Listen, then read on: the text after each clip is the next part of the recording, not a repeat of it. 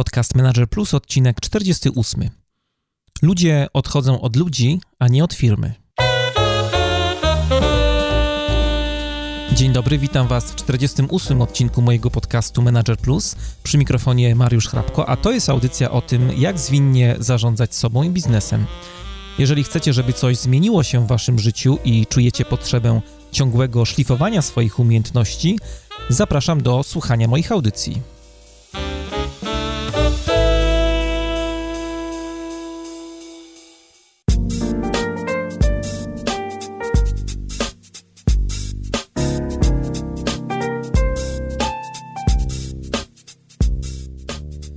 Dzisiaj jest y, bardzo szczególny odcinek, bo pierwszy raz od długiego czasu w podcaście nie ma żadnego gościa, będę tylko ja. Postanowiłem nagrać coś solo, coś od siebie, bo już szczerze mówiąc trochę zapomniałem, jak dużą frajdę mi to sprawia.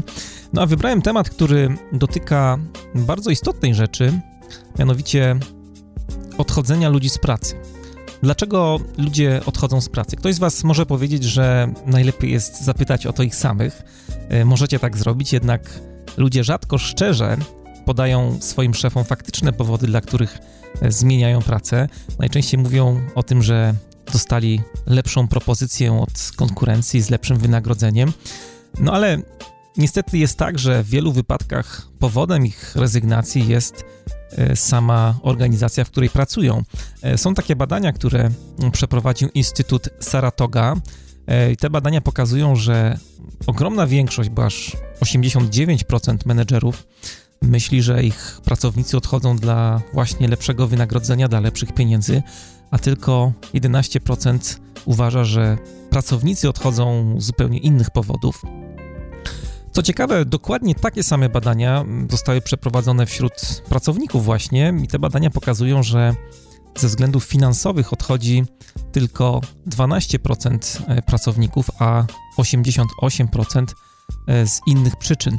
No ale w większości wypadków niestety jest tak, że to nie konkurencja podbiera nam pracowników, ale e, niestety firmy i ludzie, którzy w tych firmach pracują, doprowadzają do tego, że najlepsi odchodzą. Notatki do dzisiejszej audycji znajdziecie na stronie mariuszchrapko.com kośnik 048. Zapraszam też do odwiedzenia i polubienia mojego fanpage'a, jeżeli jeszcze tego nie zrobiliście, facebook.com kośnik Mariusz Hrabko. No i tradycyjnie, jeżeli podoba Wam się ten podcast, podoba Wam się to, co Wam tutaj e, będę dzisiaj opowiadał, to mam do Was wielką prośbę, jak e, zwykle zresztą, we wpisie do audycji zamieściłem link do podcastu Manager Plus w iTunes, gdzie możecie zostawić swoją miłą ocenę w formie gwiazdek, najlepiej kilku, no może być też krótka recenzja.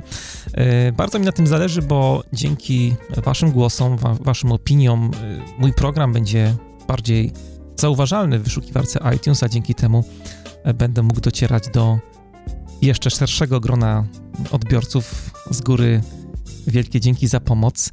E, ostatnio pojawiły się dwie nowe recenzje. Pierwsza z nich bardzo krótka. Jest to recenzja Kasi Gorzędowskiej. Konkretne, wartościowe, inspirujące podcasty dzięki. No i druga recenzja jest e, autorstwa Patryka Wójcika z Architektury Sukcesu. Znakomity odcinek o marce osobistej. Marka osobista to zaufanie, które wolno się buduje, ale szybko się je traci. No a z ciekawych maili ostatnio napisała do mnie Monika Felicio, która na co dzień mieszka w Porto w Portugalii. Moniko, przepraszam cię, jeżeli źle wymawiam twoje nazwisko, ale jestem dopiero zaledwie po trzech lekcjach portugalskiego. E, chciałem zwrócić uwagę tylko na jeden akapit e, z maila Moniki, bo sam mail jest e, bardzo długi. Jak to możliwe, że ja od ponad roku słucham Twoich podcastów, a dopiero dziś i to zupełnie przez przypadek dzięki Google Search dowiedziałem się, że wydałeś książkę. E, nie pamiętam jednak, kiedy o tym wspominałeś, podczas której audycji, a może to celowa strategia. No nie, to nie jest e, celowa strategia, bo książkę wydałem 3 lata temu, dlatego się e, tą książką nie chwalę. Ale ponieważ ciągle przybywa nowych słuchaczy, pomyślałem sobie, że jest to dobry moment, żeby o tym wspomnieć. Otóż tak, napisałem książkę. Książka ma tytuł Scrum o zwinnym zarządzaniu projektami. Było już e, drugie wydanie książki, z tego co wiem, bo niedawno rozmawiałem z wydawnictwem Helion, e, będzie kolejny dodruk. W materiałach do audycji zamieszczę Wam link do księgarni, gdzie będziecie sobie mogli książkę nabyć. Książka też pojawia się jako nagroda e, w konkursach, czy to podcastowych, czy to blogowych, więc wypatrujcie. No a teraz już poradnikowo.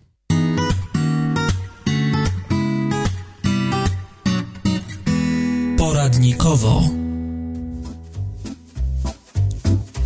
E, ostatnio przeprowadzałem remont sypialni. Remont polegał na tym, że musiałem odmalować cały pokój, co wbrew pozorom nie było takie proste, bo wcześniej sypialnia była brązowo-pomarańczowa, a teraz jest już e, tylko biała. No ale to nie wszystko, jak się pewnie domyślacie.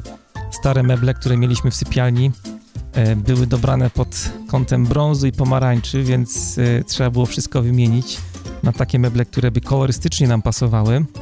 No i co? No i udałem się do znanego szwedzkiego producenta, zakupiłem białą sypialnię, no i później trzeba było to wszystko poskręcać. Zajęło mi to bagatela całą sobotę, ale jak sobie siadłem później wieczorem, popatrzyłem na swoje dzieło, to miałem ogromną satysfakcję z tego, co udało mi się zrobić. E, niby zwykłe meble, ale czułem się tak, jakbym stworzył jakieś wielkie dzieło sztuki. E, I pewnie nie miałbym tej frajdy, gdybym zamówił ekipę, która by to za mnie wszystko poskręcała, albo kupił gotową sypialnię. E, jak się okazuje, im więcej w coś wkładamy wysiłku, tym bardziej to doceniamy. To jest coś, co naukowcy nazywają właśnie efektem IKEA. Badania pokazały, że im bardziej ktoś nam pomaga i wtrąca się w to, co robimy, tym mniejszą wartość ma dla nas efekt końcowy naszej pracy. Efekt IKEA ma kolosalne znaczenie dla zarządzania i pracy zespołów projektowych, e, bo jeżeli członek danego zespołu zajmuje się tylko małym fragmentem projektu, na przykład załóżmy, że jest to analiza albo programowanie, to nigdy nie będzie tak samo zaangażowany jak osoba, która uczestniczy w każdej fazie projektu od początku do końca. Wsparcie menedżera w wielu wypadkach jest oczywiście bardzo potrzebne, wcale tego nie neguję tutaj, a czasem wręcz niezbędne, ale jeśli chcemy kogoś naprawdę zmotywować, to najlepiej jest mu dać wolną rękę w tym, co robi.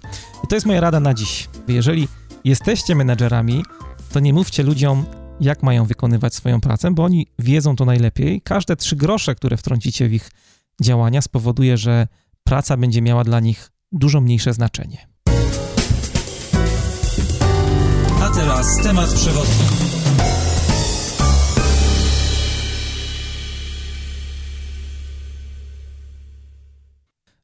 Kiedyś w jednym z odcinków podcastu e, rozmawiałem z Miłoszem Brzezińskim na temat motywacji. Miłosz napisał kilka książek, jedną z nich zatytułował Biznes to kupa ludzi. Bardzo mądry tytuł, bo e, organizacje tak naprawdę tworzą ludzie, każdy z nas o tym wie. Firma przypomina trochę takie wielkie drzwi wahadłowe, przez które ludzie wchodzą i wychodzą. E, wchodzą, bo mają jakiś konkretny powód. Powodem tym może być to, że na przykład ktoś chce lepiej zarabiać, no ale nie tylko. Chociaż tak y, najczęściej myślimy. Mam znajomego, który odkąd pamiętam, zawsze marzył o tym, żeby pracować w Google. Próbował kilka razy, kilka miał podejść do rekrutacji Google'owej, aż w końcu za którymś razem mu się udało.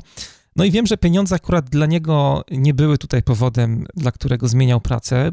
W swojej poprzedniej pracy zarabiał bardzo dużo. Y, chciał zmienić pracę, bo firma Google otwierała przed nim zupełnie nowe możliwości, nowe perspektywy. Miała odpowiednią markę i praca w tej firmie była dla niego e, czymś prestiżowym. Dla niektórych osób powodem zmiany pracy są czasem pakiety świadczeń dodatkowych, e, na przykład opieka medyczna, samochód służbowy, czy na przykład dofinansowywanie posiłków, dojazdów do pracy, karnety na siłownię, czy bilety do kina, do teatru. Mam wielu znajomych, dla których właśnie te czynniki były ważne, kiedy szukali pracy. No i są wreszcie ludzie, którzy wchodzą do jakiejś firmy przez te wahadłowe drzwi, bo pracuje tam jakiś y, bardzo charyzmatyczny lider, którego podziwiają i z którym chcą pracować. Wiele razy słyszałem o takich sytuacjach, że ktoś poszedł do pracy za swoim dawnym szefem, co było niesamowicie miłe dla tego szefa. Takich powodów może być, jak widzicie, całkiem sporo. Jest jednak jeden powód, nad którym chciałbym się dzisiaj trochę zatrzymać i o którym chciałbym trochę porozmawiać. E, tym powodem jest ucieczka od swojego dotychczasowego szefa. Jest taki bardzo fajny cytat Oscara Wilda, który e, mówił, że niektórzy ludzie uszczęśliwiają innych, gdziekolwiek się nie pojawią. Są i tacy, którzy uszczęśliwiają innych, kiedy wreszcie odejdą. Jako liderzy bardzo łatwo jest nam myśleć, że gdy ludzie odchodzą, to ma to niewiele wspólnego z nami. Tymczasem y, są różne badania, które pokazują, że aż 60% pracowników odchodzi z firmy z powodu swoich przełożonych. To nie firma zrobiła im coś złego, ale właśnie ich szef. E, w niektórych przypadkach chodzi również o współpracowników, oczywiście, ale jest to zdecydowanie mniejszy procent. Najwięcej przypadków odejścia z pracy dotyczy jednak sytuacji, w których powodem jest e, bezpośredni przełożony. Od jakich szefów najczęściej uciekamy? No, zebrałem cztery takie rodzaje szefów, od których e, pracownicy starają się trzymać z daleka. Pierwsza grupa szefów to tacy szefowie, którzy nie doceniają pracowników. Kiedy wpisywałem sobie ten punkt do scenariuszu dzisiejszej audycji, to tak sobie pomyślałem, serio? Musisz o tym mówić w ogóle? Przecież to jest takie oczywiste, no, każdy wie, że ludzi trzeba doceniać. No, może jest oczywiste, ale jednak ciągle tego nie robimy. Każdy z nas e, lubi słyszeć o sobie różne miłe rzeczy. Każdy z nas lubi, jak się go chwali, e, chce być docenianym, nie tylko w pracy, ale także w domu, no, na przykład przez żonę, czy przez męża, przez dzieci, przez znajomych. A mimo to jakoś tak ciągle jest, że pracowników w firmach e, się nie docenia. Nie otrzymują oni żadnej pozytywnej informacji zwrotnej od swoich szefów, miłego słowa. Bardzo często są traktowani tak, jakby nie wnosili do pracy żadnej e, wartości. No przecież Y, każdy z nas wie, że tak y, nie jest. Wielu szefów jest jak najbardziej tego świadomych, a mimo tego nie robi. Kiedyś dostałem, pamiętam takiego maila, który, mm, którego czytałem z wypiekami na twarzy. To był mail od chłopaka, który opisywał zupełnie potworne rzeczy, jak to go szef lekceważy, traktuje z góry i e, nie docenia. Takie zachowania są e, poważną dysfunkcją współczesnych organizacji, no i szefów, menedżerów, liderów, którzy w tych organizacjach e, pracują, wpływają bardzo destrukcyjnie, negatywnie na każdy rodzaj relacji. To już tak abstrahując zupełnie od firmy, od pracy, w domu też takie zachowania są no, niedopuszczalne zupełnie. Malcolm Gladwell w jednej ze swoich książek, która nosi tytuł Błysk, Potęga Przeczucia, pisze o Johnie Gottmanie.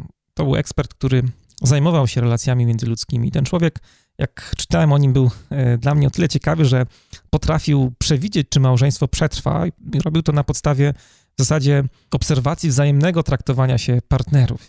Według niego, według Gottmana, był jeden czynnik, który e, decydował o tym, czy dany związek jest zagrożony, czy nie, i tym czymś, tym czynnikiem była pogarda. Jeżeli jeden z partnerów traktował drugiego partnera z pogardą właśnie, e, to było bardzo prawdopodobne, że ten związek czekała rychła porażka, katastrofa jakaś. I to jest ważna lekcja dla wszystkich szefów, którzy słuchają tej audycji. Doceniajcie swoich pracowników. To jest bardzo proste i naprawdę nic nie kosztuje. E, pracownicy na pewno wam się zrewanżują. Ten rewanż będzie polegał na tym, że docenią to, że mogą dla was pracować, docenią to, że jesteście ich szefami. Drugi typ szefów, od których starają się uciec pracownicy, to są szefowie, którym nie można ufać. No na pewno mieliście wiele razy w swoim życiu do czynienia z ludźmi, na których nie mogliście polegać, którym nie mogliście ufać. To jest bardzo słabe doświadczenie, jakby nie było. Ciężko jest pracować z osobami, na których zupełnie nie można polegać, którym nie można ufać. E, jakiś czas temu firma Manchester Consulting przeprowadziła taki sondaż, e, z którego wynikało, że poziom zaufania w miejscach e, pracy ciągle spada i podali kilka takich podstawowych czynników, które mają wpływ na to, że pracownicy nie ufają swoim szefom. Wynotowałem wszystkie tutaj na kartce. Brak spójności między tym, co się mówi, a tym, co się robi, skupianie się na swoich osobistych korzyściach, a nie korzyściach zespołu, nieinformowanie ludzi o wszystkim, co się dzieje, ściemnianie, mówienie półprawd, blokowanie nowych pomysłów pracowników. To były czynniki, na które mm, wskazała firma Manchester Consulting, czynniki, które sprawiają, że pracownicy nie ufają swoim szefom. Kiedyś ktoś mi powiedział, że sytuacja, w której szef traci właśnie zaufanie swoich pracowników, e, przypomina zbicie lustra. Wystarczy, że e, rzucicie kamieniem w lustro, a szkło no, momentalnie pęknie. E, później Oczywiście możecie pozbierać wszystkie kawałki, próbować je jakoś posklejać do kupy, ale to lustro nie będzie już takie samo. Pęknięcia zawsze będzie widać, no i im mocniej rzucicie kamieniem, tym szkody będą też większe. Jakby efekt tego defektu będzie bardziej widoczny, no i obraz, w który będziecie patrzeć, będzie bardziej zniekształcony. Takie szkody, które wynikają z utraty wiarygodności, jest później bardzo trudno naprawić. Co możecie zrobić, żeby popracować trochę nad swoją wiarygodnością? Zebrałem takich kilka rzeczy, które wydają mi się, że są ważne i mogą Wam jakoś w tym pomóc. E, pierwsza rzecz, bądźcie konsekwentni w tym, co robicie. Ostatnio dochodzę jakoś do wniosku, że jest to jedna z ważniejszych rzeczy, która wpływa na budowanie zaufania lidera wśród pracowników. Wiecie dlaczego? Bo konsekwencja wiąże się zawsze z waszą reputacją. To jest coś, co określa, wpływa na waszą osobistą markę, na to, jak ją definiujecie. Na temat marki osobistej y, bardzo polecam moją rozmowę z Joanną Malinowską-Parzydło. Był to odcinek 46 podcastu. Podlinkuję go w materiałach do dzisiejszego mm, odcinka. Myślę, że marka osobista nigdy nie miała takiego znaczenia w zarządzaniu, jak y, ma dzisiaj. Marka osobista wiąże się z dotrzymywaniem obietnic, z byciem konsekwentnym. Wyobraźcie sobie szefa, który ustala, że jego na przykład cotygodniowe spotkania będą trwały godzinę, nie więcej. Przychodzicie na takie spotkanie, jak co tydzień mija godzina, a szef rozwija kolejny wątek. No w ten sposób nie zbudujecie zaufania u swoich e, pracowników. Druga rzecz, którą możecie zrobić, żeby ludzie wam bardziej ufali, jest bardzo prosta. Wystarczy, że będziecie ich angażować w decyzje, które ich dotyczą. Można oczywiście pójść krok dalej, dać im więcej autonomii w tym, co robią, w działaniu, w codziennych zadaniach. Szybko zobaczycie, jak bardzo Wam się ten krok opłaci. Autonomia może polegać na angażowaniu zespołu w pracę na przykład nad rozwojem produktu. Niech mają ludzie poczucie na przykład, że razem z klientem go tworzą, e, mogą się na jego temat wypowiedzieć, zadać pytania. Inny sposób to na przykład y, możecie przestać im mówić, jak od strony technicznej mają wykonywać swoje zadania Niech sami zdecydują o tym, jak będą to robić. E, wy skupcie się tylko na celach, które mają osiągnąć. Mówiłem dzisiaj w poradnikowie o efekcie IKEA, to jest bardzo dobry wniosek związany akurat z tym punktem. E, trzecia rzecz to uzasadnianie decyzji, które podejmujecie. Jeżeli wprowadzacie jakieś zmiany organizacyjne na przykład, to powiedzcie swoim pracownikom, jaki jest cel tych zmian, skąd to się wzięło.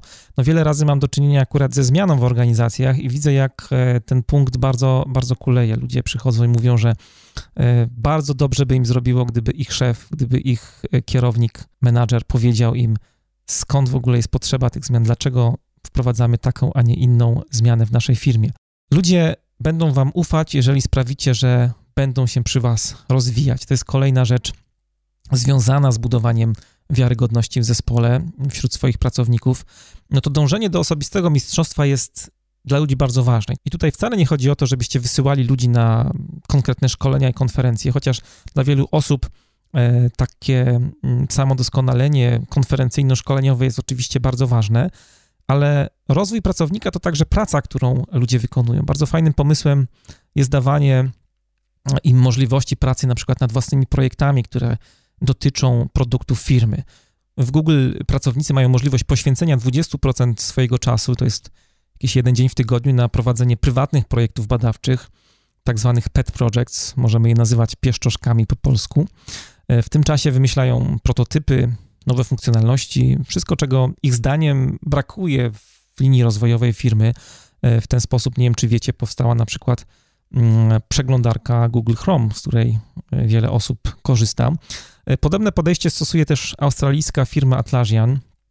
Całkiem spora liczba funkcjonalności, które wielu z Was na co dzień używa w narzędziu Jira, powstało w ramach tak zwanego Ship It Days, takiego programu, który polegał na tym, że pracownik dostawał pewien czas na pracę nad różnymi pomysłami, które miały związek z dotychczasowymi produktami w firmie.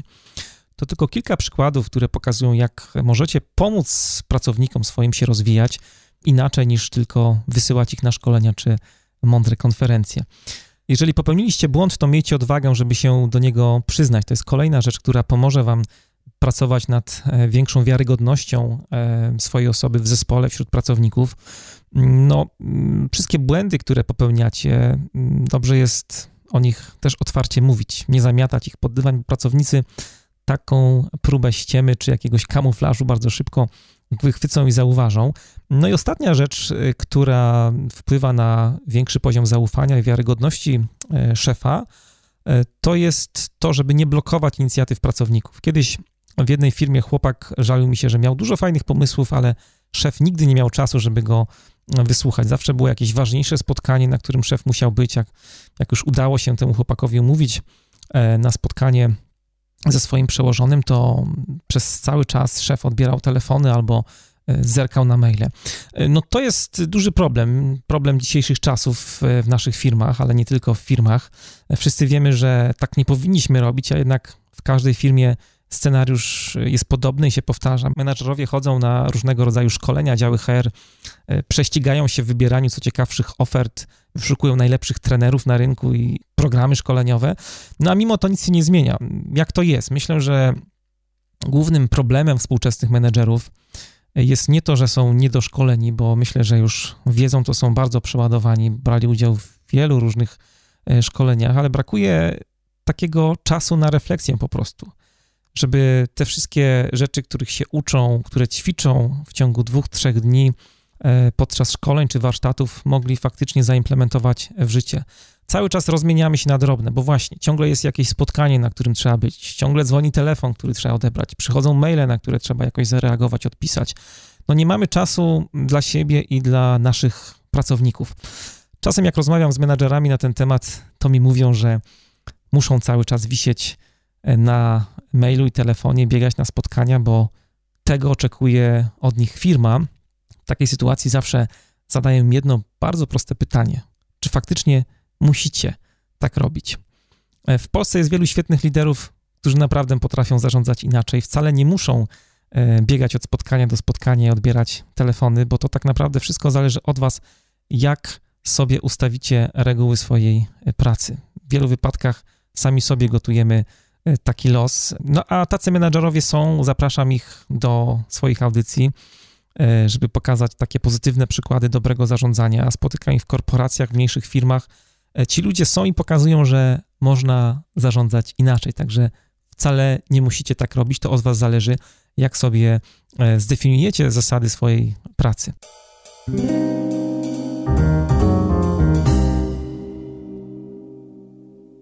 Trzecia grupa szefów, od których uciekają pracownicy, to są szefowie, którzy są niekompetentni. E, lider, który jest niekompetentny, no rozwala całą pracę w zespole, e, zakłóca wszystkie działania zespołowe, które się tam dzieją, zabija zapał ludzi do pracy, zabija i tłumi energię pracowników.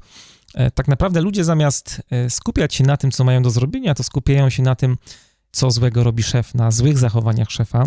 I muszę wam powiedzieć, że lider, któremu brakuje kompetencji, na dłuższą metę nie da rady, na dłuższą metę się nie utrzyma. Ludzie przestaną go słuchać, nie będą za nim podążać, bo ludzie akceptują innych nieprzypadkowo.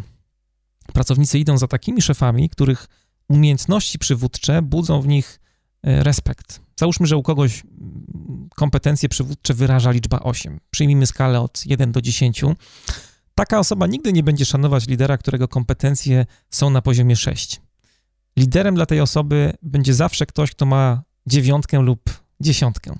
Ja to bardzo często obserwuję w zespołach skramowych, z którymi na co dzień pracuję, zwłaszcza mam tutaj na myśli takie zespoły i sytuacje, w których e, budujemy zespół e, od zera, czyli ludzie się w ogóle wcześniej nie znali, dopiero e, jakby w pierwszych kilku sprintach się poznają, wcześniej nigdy nie pracowali w takiej e, konfiguracji ze sobą. I w miarę jak mijają kolejne tygodnie wspólnej pracy, ludzie wchodzą w coraz większą liczbę interakcji i z czasem fajnie widać, jak w tych zespołach wyłaniają się tacy naturalni liderzy, którzy zaczynają przejmować inicjatywę. No i co ciekawe, każdy z tych liderów zaczyna z czasem formułować swój, w cudzysłowie oczywiście, program działania, taki manifest, no i zaczyna szukać partnerów do pomocy, partnerów, którzy pomogą mu ten program e, realizować. Na początku wszystko jest takie bardzo rozmyte i takie mocno na czuje, ale potem jak ludzie się coraz lepiej poznają i zaczynają dostrzegać tych liderów, takich naturalnych liderów, e, którzy są najsilniejsi w zespole, w swoim plemieniu, to zaczynają się im tak też w naturalny sposób podporządkowywać. I co ciekawe, im większe ktoś ma zdolności przywódcze, tym szybciej rozpoznaje te zdolności lub brak takich kompetencji u innych osób w zespole.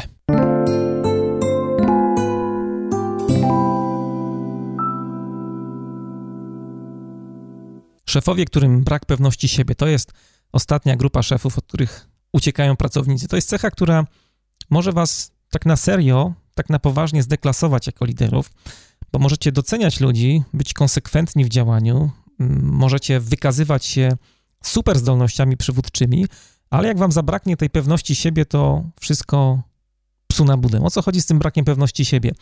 Wybitni liderzy robią dwie rzeczy. Rozwijają umiejętności przywódcze u swoich pracowników i dzielą się z nimi obszarami działania. Jeśli popatrzymy na liderów, którym brakuje pewności siebie, to tacy liderzy starają się być niezastąpieni, potem poznać takiego lidera. Nie chcą, żeby podwładni mogli cokolwiek osiągnąć bez ich pomocy. Jeżeli jakiś pracownik radzi sobie za dobrze, to od razu widzą w nim zagrożenie, od razu widzą w nim wroga. Pamiętajcie, że ludzie chcą pracować z liderami, którzy codziennie będą dodawać im skrzydeł, będą dodawać im energii do pracy. Ludzie chcą mieć szefów, mentorów, którzy powiedzą im, jak w pełni wykorzystać swoje możliwości, no jak się rozwijać. Jeżeli odkryją, że dla szefa ważniejsze jest utrzymanie władzy i utrzymanie swojego terytorium, to w końcu zaczną szukać sobie innego szefa, pod którego skrzydłami będą mogli dawać z siebie wszystko i będą mogli się mm, rozwijać. Pokazałem wam cztery rodzaje szefów, od których uciekają pracownicy. E, szef, który nie docenia swoich pracowników, szef, któremu nie można ufać, szef, który jest niekompetentny i szef, któremu brakuje pewności siebie. Pamiętajcie, że tak naprawdę bez względu na to, jak bardzo dobrymi będziecie liderami, ludzie i tak od czasu do czasu będą odchodzić z firmy. No bo takie jest życie, to jest naturalny element pracy każdego menedżera, ale możecie przynajmniej spróbować być takimi liderami, szefami, których ludzie będą szanować i za którymi ludzie będą chcieli iść, bo utrata najlepszych ludzi to jest chyba najgorsza rzecz, która może przytrafić się naszej firmie. Jeżeli tak się dzieje, to nie próbujcie winić całego świata, firmy, bo nie zrobiła wszystkiego, żeby ludzi zatrzymać, konkurencji, bo płaci za dużo, rynku, który jest ciągle niestabilny i się zmienia. Najpierw zacznijcie winić siebie. Jeżeli chcecie zatrzymać przy sobie najlepszych, bądźcie lepszymi liderami, bo na to macie tak naprawdę realny wpływ. Ludzie porzucają ludzi, a nie firmy. To już wszystko na dzisiaj. Na koniec e, zagramy moje ostatnie nowe odkrycie na Yamendo. To magiczna Grace Kelly. Piękny, hipnotyzujący głos, który na pewno jeszcze pojawi się nie raz w kolejnych odcinkach, bo w zasadzie każdy utwór, który jest e, dostępny na Yamendo, bardzo mi się podoba. A dzisiaj wybrałem dla Was e, Kiss Away Your Tears. Taka kojąca jesienna ballada, do której przyda się na pewno kubek gorącej herbaty z sokiem malinowym, no i koniecznie ciepły koc. Ja się nazywam Mariusz Hrabko, czekam na Was za dwa tygodnie. Do usłyszenia.